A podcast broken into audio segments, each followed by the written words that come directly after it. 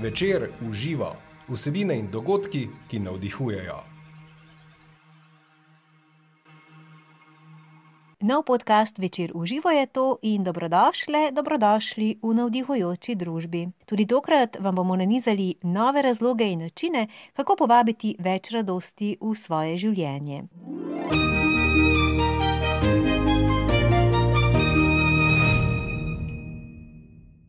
V naslednjih minutah bomo namreč govorili o moči meditacije, o tem, kako ustvariti obilje, kako živeti svoje potencijale, svojo kreativnost in kako živeti polno in zavestno.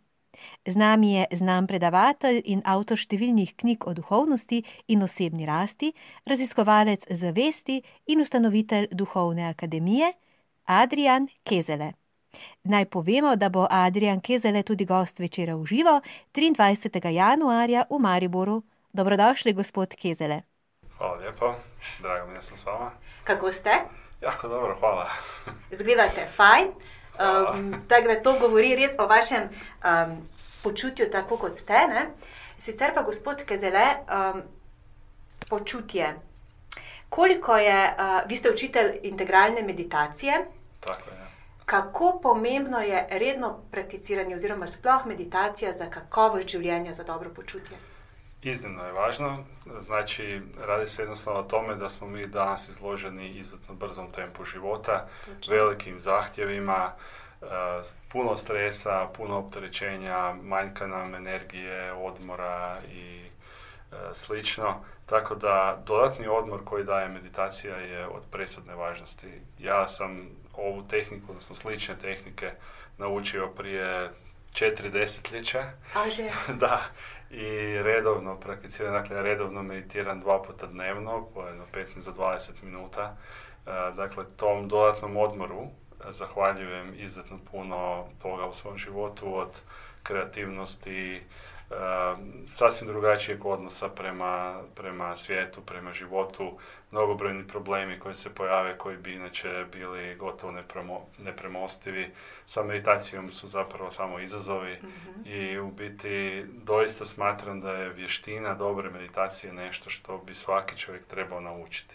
To je neka vrsta mentalne higijene. Znači, kao Aha. što smo naučili prati ruke ili se Tako. tuširati, tako bi zapravo trebali naučiti smiriti um i očistiti ga od smetnje, recimo Mhm. tako, prljavštine, da tako kažem, koju skupimo tokom dana i tokom života. Znači, izuzetno je važno meditirati.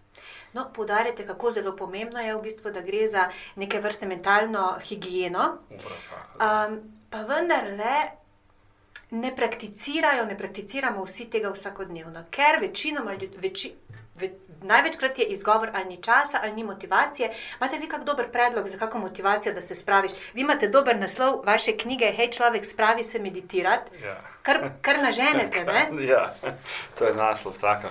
Ali e, zapravo ako sam otvoren, radi se jednostavno o tome što ljudi vrlo često pogrešno pristupaju meditaciji i zapravo je sam termin meditacija pogrešno shvaćen, odnosno pod tim nazivom ide jako puno toga.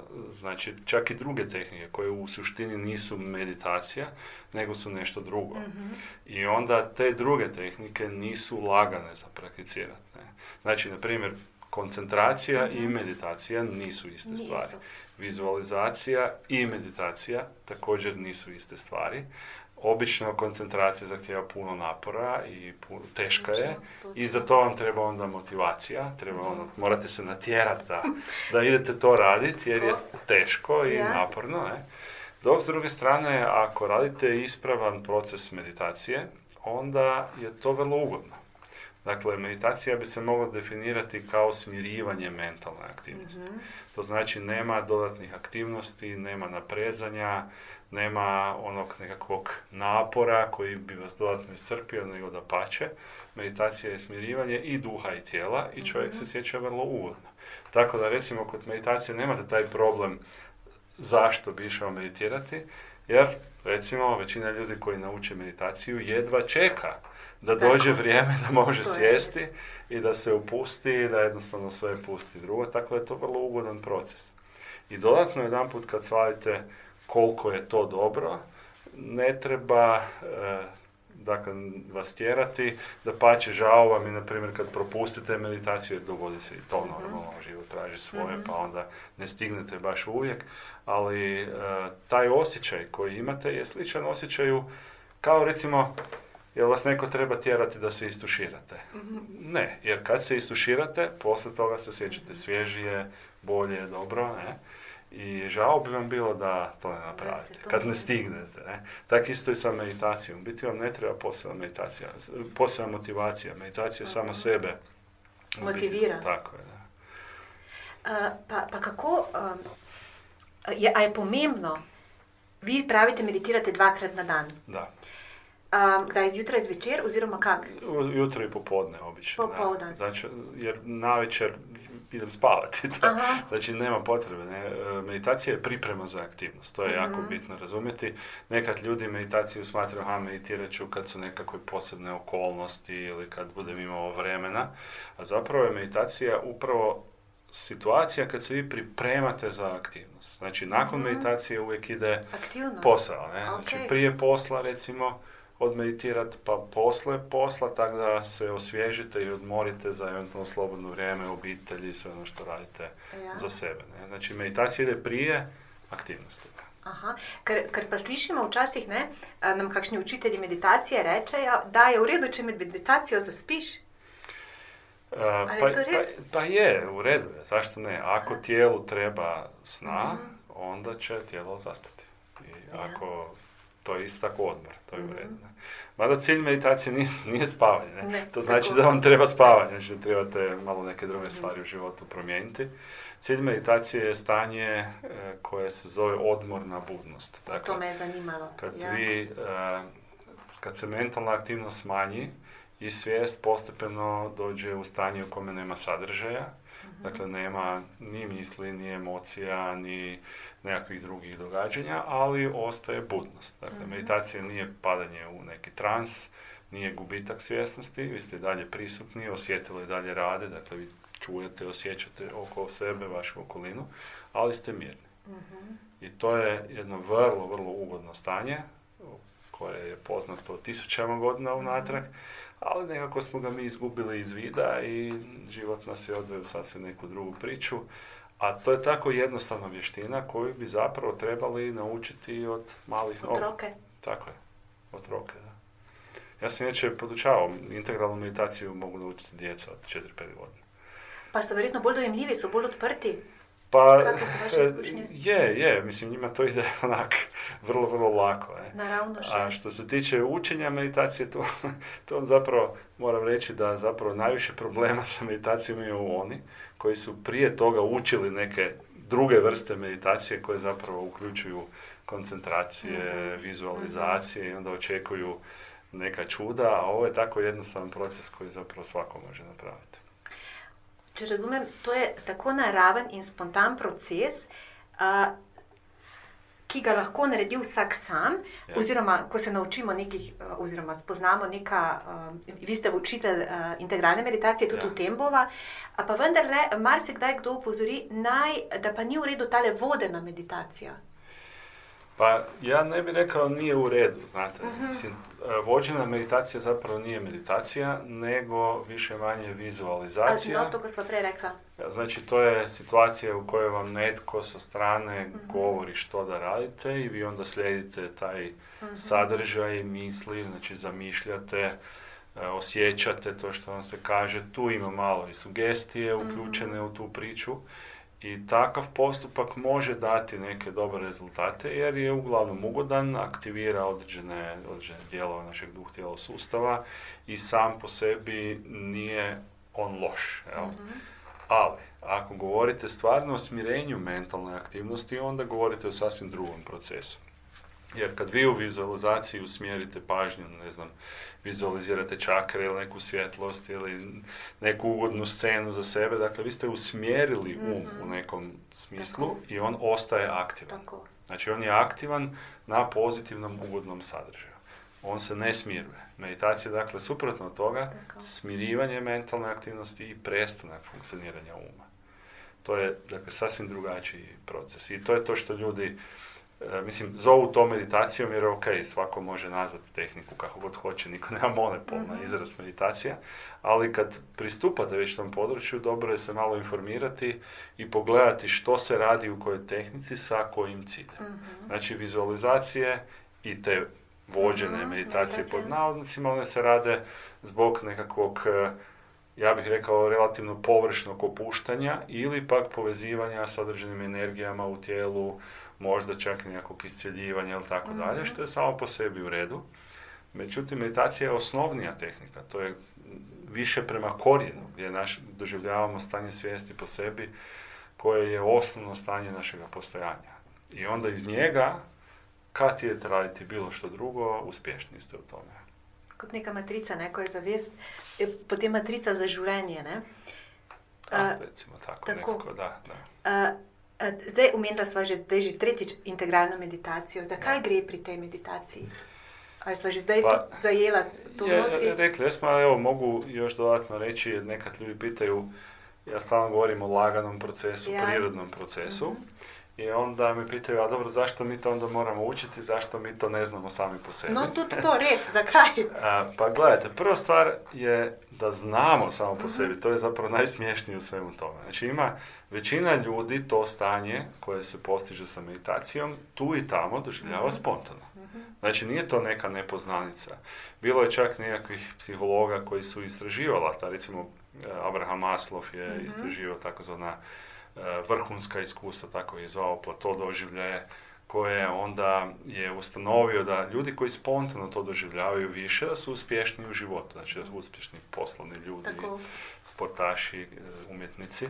Znači, to mi doživljavamo. Ljudski uh um je sposoban to doživjeti sam po sebi. Evo primjer, to možete doživjeti u susretu sa velikim prirodnim ljepotama. Dakle, recimo doći negdje na planinu, vidjeti neki prekrasan prizor i u tom trenutku vaš um zapravo stane. E. Vi ne, razmišljate ništa, vi se pretopite sa tim iskustvom. I to iskustvo pretapanja je u biti vrlo, vrlo ugodno. I onda, joj, samo da mi je toga još. Ne? Znači, onda Da. hoćete to, e, međutim, ne možete to postići namjerno, ne možete to postići kad ste u gradu, kad ste u svojim poslovima. Znači, meditacija vam omogućava da to iskustvo unutarnje tišine postignete bilo kad doma, ujutro, u svom stolcu, doslovce na poslu, možete sjesti negdje sa strane, meditirati i približiti se tom iskustvu. E sad, znači, prirodno je i ono što isto ljudi često zaborave je da čak i stvari koje su prirodne, ipak mi moramo naučiti. Recimo, prirodno nam je hodati. Ja. Jako je prirodno, ali smo to naučili. Zato je. jer su nam roditelji su nas malo pridigli, e, pokazali, im, imali smo primjer. e, I tu je sad problem, ne? Znači, našem umu je prirodno smiriti se, ali ko nam je to pokazao? Kad ste vi to vidjeli? Ja to nisam vidio u djetinjstvu, ja sam to morao isto naučiti, ne? Dakle, to je ko da u djetinjstvu nismo naučili hodati, makar je to prirodno, sad nam netko treba malo pokazati kako se to radi. I kad ja podučavam integralnu meditaciju, tu nema previše priče, nema previše filozofije, objašnjavanja. Radi se jednostavno o tome da sta- čovjeka stavim u situaciju kada će um to napraviti sam od sebe. I pa, vrlo često se to dogodi tako da ljudi niti ne znaju da im se dogodilo. Znači sjednu, mi prođemo kroz vrlo jednostavne korake, jedan put puf, e, ah, e, to je, to je to, dogodilo se. Ne. Tako da sam ja, e, neki, to, sad da kažem, u, ispraksirao sam tu vještinu podučavanja, ja već to radim više desetljeća, podučio sam integralnoj meditaciji, ja ne znam, vjerojatno oko 20.000 ljudi. Znači, praktički imam vrlo, vrlo veliko iskustvo u tome što napraviti u kom trenutku i taj proces ide zapravo vrlo brzo. Vi u roku od dva dana, sve skupa možda 7-8 sati, znači 2, 3, 4 sastanka, jedna individualna instrukcija i vi ste osposobljeni za cijeli život. Nema, ne trebate ulaziti ponovo, ništa, jednostavno naučite to i to je to. Poslije to koristite ko hodanje. Hodate i to je to. Tak isto meditirate i to je to. Opremite, nas spomnite spet, da se opremimo s tem znanjem, ne? Tako. s pravili. Uh, kot sva že rekla, uh, 23. januarja 2020 boste z nami na večeru v živo. Tam vas bomo uh, ste spoznali tudi, kot, ne bo, tudi preko vaše vloge, ste učitelj um, uh, Džotiša. Mhm. Da, to je isto jedna, jedna vještina Astrologija? koju sam s vremenom primjenjivao i smatram ju vrlo, vrlo korisnom. Ja. To je astrologija, znači neka vrsta, ne neka vrsta, nego to je indijska astrologija. S tim da bi ja to uvijek kad govorim o tome, ja uvijek naglašavam da se ni sam Džotiš, a ja posebno, da se ne bavimo predikcijama, dakle Aha. predviđanjima. ne. Mhm. I ono što ćemo mi govoriti, znači toj sljedećoj godini nije predikcija. Mhm. Ja danas ljudi jako znati željni, vrlo često pitaju, dobro, dajte nam recite šta Mhm. će mi se dogoditi. Ja moram reći, ja pojma nemam šta će se vama dogoditi. Ne znam čak ni što će se svijetu dogoditi. Mhm. To je više onako, znači, e, ko vremenska prognoza, ne? Mogu reći da je vjerojatno za kišu Mhm. tolika i tolika, jel? Da je vjerojatno za sunce tolika i tolika, da će vrijeme biti tako i onda vi uzmete kišobran ili ne Mhm. uzmete kišobran. Dakle, tako funkcionira i Džotiš, samo što je on vrlo precizan u tim razdobljima u smislu kad je povoljno razdoblje za nešto, kad je nepovoljno razdoblje, kad treba malo više paziti, ne? Mhm. I onda vi zapravo ulazite u neku vrstu među igre sa tom mapom. E, Ko da vam sad neko kaže, ok, tam na petom kilometru ceste je rupa, ne? Aha. Pazite, ne? Tako, previdnost. Sad, da li će neko uleteti u tu rupu ili neće, ja pojma nemam, ne znam, to, to će taj čovjek napraviti. Ali ja mogu reći, tamo je rupa, pa sad ko pazi, on će rupu zaobići. I to je zapravo svrha toga, nije, Mhm. nije dakle predikcija, Mhm. nego upozorenje na eventualne opasnosti, odnosno isto tako upozorenje na neke dobre stvari, jer vi nekad imate super razdoblja, a ljudi ne naprave ništa. Ja. A mogli bi. Ne? Mogli bi iskoristiti Tako. to dobro razdoblje. Ne? I uzgled sljedeća godina je dobro razdoblje. Je, koje dobro, treba- je koje- dobar potencijal ste rekli. Dobar potencijal kojeg treba iskoristiti za, prije svega za neke, ja bih rekao, iznimne, eh, iznimne, iznimna ostvarenja, možda nekih želja ili planova Mhm. koje dugo nismo mogli napraviti ili smo ih odlagali. Mhm. Znači, ima jedan vrlo snažan energetski potencijal. Ja sam znači čak u toj analizi uvijek dam godinu neko ime. Ova dosadašnja, 2019. nju sam nazvao godinom iskušenja. E, Znači, ona je bila relativno loša, iskušavala nas je i Mhm. bilo je dosta kriza. A ova koja dolazi, nju sam nazvao godinom iznimnih postignuća. Mhm. Dakle, ako se ljudi usmjere, ako slušaju svoje srce i vjeruju sami sebi, imat će podršku prirode i moguća su iznimna postignuća. Dakle, ono o čemu ste sanjali, a nikad se niste usudili napraviti, 2020. Eh, je godina. Fajn, da. fajn. Um, to je zdaj bil Džotiš. Uh, Sicer, no, rekla sva, Džotiš govori o um, ta astrologija, indijska astrologija, o nekih potencijalih, nekih uh, možnostih, ki jih lahko izkoristimo. Tako. In se kar precej v tem razlikuje od te zaho zahodne astrologije. Ne? Ker, Pa imaju u zapadnom, zapadnim sustavima, ja ću reći, mudrih astrologa koji znaju da to pitanje predviđanja nije uvijek pametno, da je uvijek Mhm. neka među Neka igra između postupaka i, i s nekakvih e, datih ritmova. I u Džotišu ima onih, nije Dž- Džotiš e, jedinstveno tijelo, ima vam onih koji će vam ići na predikcije baš Mhm. i po Džotišu. Ne? Zato kažem, e, to je pitanje pristupa, ne, moj pristup koji je u skladu, siguran sam, sa izvornim načelima Džotiša, dakle ne predikcija, nego preventiva i upozorenja. Kaj pa moment uh, v Džotišu se, sade sati oziroma teh sedmih let žalosti? Ko vsi, to jih imamo trikrat v življenju, kako, mogoče malo na kratko o tem. Zavisi koliko In- živite. Ja, no, točno, dobro. Tako poprečju. Um, Da, ljudje se povprečju, ustrašijo, jo, in zdaj bom takrat doživel najbolj traumatične zadeve. Kako je s tem? Ka, kaj je sporočilo Moj, tega moj, obdobja? moj zadnji sade sati koji je bio tamo krajem 90-ih, znači sad sam negdje na sredini između jednog i drugog, je bilo skoro najbolje razdoblje mog života. Tada sam napisao i najviše knjiga, čini mi se. Mhm. E, pokrenuo sam mnoge stvari koje su bile e, značajne kasnije. E, tako da strahu apsolutno nema mjesta, ali, ali ono što trebate imati na umu je da to razdoblje e, zapravo zahtijeva od čovjeka da se pozabavi temeljnim pitanjima u svom životu. E, ako se bavite površinskim stvarima, na primjer, ne znam, trčite za poslom, karijerom, novcima i uopće ne razmišljate ni o čemu, o nekakvim dubljim pitanjima, da, sada sati može biti e, teško razdoblje jer njegova je karakteristika da obično oduzima ono ljudima e, do čega im je stalo na toj površinskoj razini. Tako. Ali preventivna mjera je za to da se bavite duhovnim stvarima. Na primjer, da, da, da meditirate, da niste samo angažirani jel, koliko novca, koliko karijera, gdje ću završiti, gdje ću putovati, nego da idete malo unutra. Ako idete unutra, nema razloga da vas sada sati plaši. jel, To je samo tako razdoblje. Kao što je vrijeme za spavanje i vrijeme za budnost, tako je vrijeme za duhovnost, a to je sada sati. I eventualno vrijeme za vanjske stvari. Takrat postavljamo nove temelje, uh, prioritete, ne, te um, kakovostnejše ne, za življenje v tem obdobju. Tako je. Čisto tako je. Idemo unutra i... Maske padajo. Tako je. To je to. To je sada sati. Nema straha. Meni se tudi ravno kar izteka in jaz sem Ja. v teh sedmih letih imela totalno transformacijo. Res. Res. Dobro, nadam se na, na, na dobro. Ja, dobro ja, ja, ja, transformacijo. skozi, ja, točno to, točno to. Ampak sem se ustrašila, ko je to, um, se je poklopilo, se je poklopilo. Ja.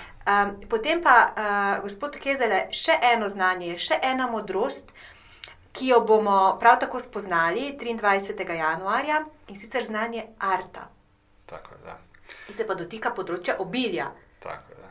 Znači, e, to je, arta je jedno od četiri glavna životna cilja Mhm. Iz filozofije i svjetonazora kojem pripada i Džotiš. Ne? Znači, kaže se da čovjek u životu treba e, imati kamu, artu, darmu i mokšu. To su sanskritni nazivi. A znači, kama je zadovoljstvo ili sreća. Znači, morate biti sretni, mora vam biti Ja. dobro, morate se osjećati dobro. Drugo je arta, to znači obilje. Znači, morate živjeti u obilju. Treće je dharma, to znači životna zadaća. Znači, da, da pronađete neko svoje mjesto pod suncem. I četvrto je mokša ili sloboda. To je isključivo duhovni cilj. Sva ta četiri cilja su isprepletena i zapravo se kaže da ne možete imati ispunjen život bez jednog od njih. Ne? Na primjer, ako ne nađete svoje mjesto po sunce, možete vi imati, recimo, ne znam, materijalno svašta, ali nećete biti zadovoljni. Znači, niste sretni, onda odmah vam i kama otpada. Ne? Ako nema mokše, to je ovo oslobođenje, to, je- to su ti duhovni ciljevi, ne? onda vam ove vanjske stvari isto tako baš ne služe puno toga. Znači, sve mora biti posloženo kako treba, a svako od tih područja ima neke svoje zakonitosti, Obilje ili arta je naravno vrlo zanimljivo. Ne? Svi, Ja, in vsi, bi, vsi imamo vedno premaj, se nam zdi obilje, da je pomankanje. Da, ne? da, tako je. I zbog toga je e, vrijeme, zapravo sljedeće godine je vrijeme kad se o tome treba pričati. Između ostalog sam zato izabrao tu temu i malo ću više, i ne samo na ovom u, što imamo na večeru, nego ću i kasnije tokom godine malo više pričati o tome, baš zbog toga jer su kozmički ritmovi naklonjeni takvim aktivnostima. jel? Arta je, evo da kažem, to je e, zapravo nije toliko, to je u biti stanje svijesti. Arta je stanje svijesti, to je najvažnija stvar koju kad se tome pristupa, ne, ne ju gledati kao, aha, sad ću stvoriti nešto materijalno izvana. To je stanje svijesti gdje mi stalno stvaramo nešto novo. To je zapravo definicija arte. Dakle, stanje u kojem ste vi u stalnom procesu stvaranja. Ne? I možda još točnije reći, arta nije stanje, arta je taj proces. Proces. Proces u kojem ste vi stalno i koji nije statičan. Gdje e, zapravo imate ulaz i, i izlaz. Ne? I tu negdje na tom tragu se e, odvija učenje arte. Ja ću na, na predavanju pokušati predstaviti neke od osnovnih e, načela i postoje zapravo tri trojne načela o kojem govori Arta.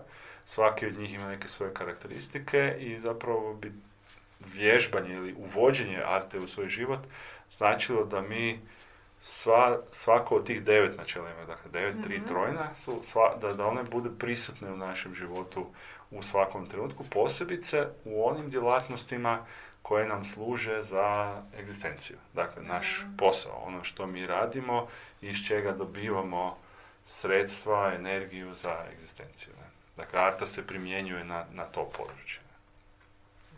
Zdaj smo malo namignila več, pa januarja na Apsolutno, druženje. imamo Pa- sat, sat i pol, dva Tako, sata. tako. Um, um, zdaj pa, ker mi, mi vedno rečemo, ti naši podcasti večer uživo navdihujejo. Imamo navdihujoče sogovornike in na koncu me vedno zanima, gospod Kezele, kaj pa v življenju najbolj navdihuje? Pa meni je to malo teško reći jer ja sam, ja sam toliko a, sretan s nekim Ja. malim stvarima. Evo recimo vidim ovu vašu šalicu a, narančastu. Že cijelo- razveseli. C- da, cijelo vrijeme ovak Red. dobar dizajn tak i onda ponekad vidim neki cvijet pa se razveselim ili tako. Znači, a, već dugo, dugo vremena zapravo živim u ono što se kaže u sadašnjem trenutku. Mhm. Ne brinem previše o tome što će biti sljedeće godine. Živim svaki dan kao da je, kao da je zadnji, jer nikad čovjek ne zna, možda i je zadnji, ne. Me navdihuje življenje, tako rekao. Ne. Ži- život je taj sam, on ima toliko sadržaja, toliko malih stvari koje ljudi propuštaju, jer su stalno negdje drugdje, stalno razmišljaju o Točno to. nečem drugom. Znači, sam život, toliko lje- ljepote, toliko zadovoljstva, samo pričekate, pogledate i tu ste. To je to. Da. Hvala lepa. Hvala lepa za navdihujoč pogovor. Uh, se pravi, vidimo se 23. januarja na večeru v živo v Mariboru. Uh, zdaj pa naše podcaste, več vsebin, večer v živo najdete, kot že veste, na spletnem naslovu večer.com poševnica v živo, na Facebook strani več, večer v živo in na YouTube kanalu. Z vami sem bila Maja Furman, srčno in srečno, dok malu. Hvala. Hvala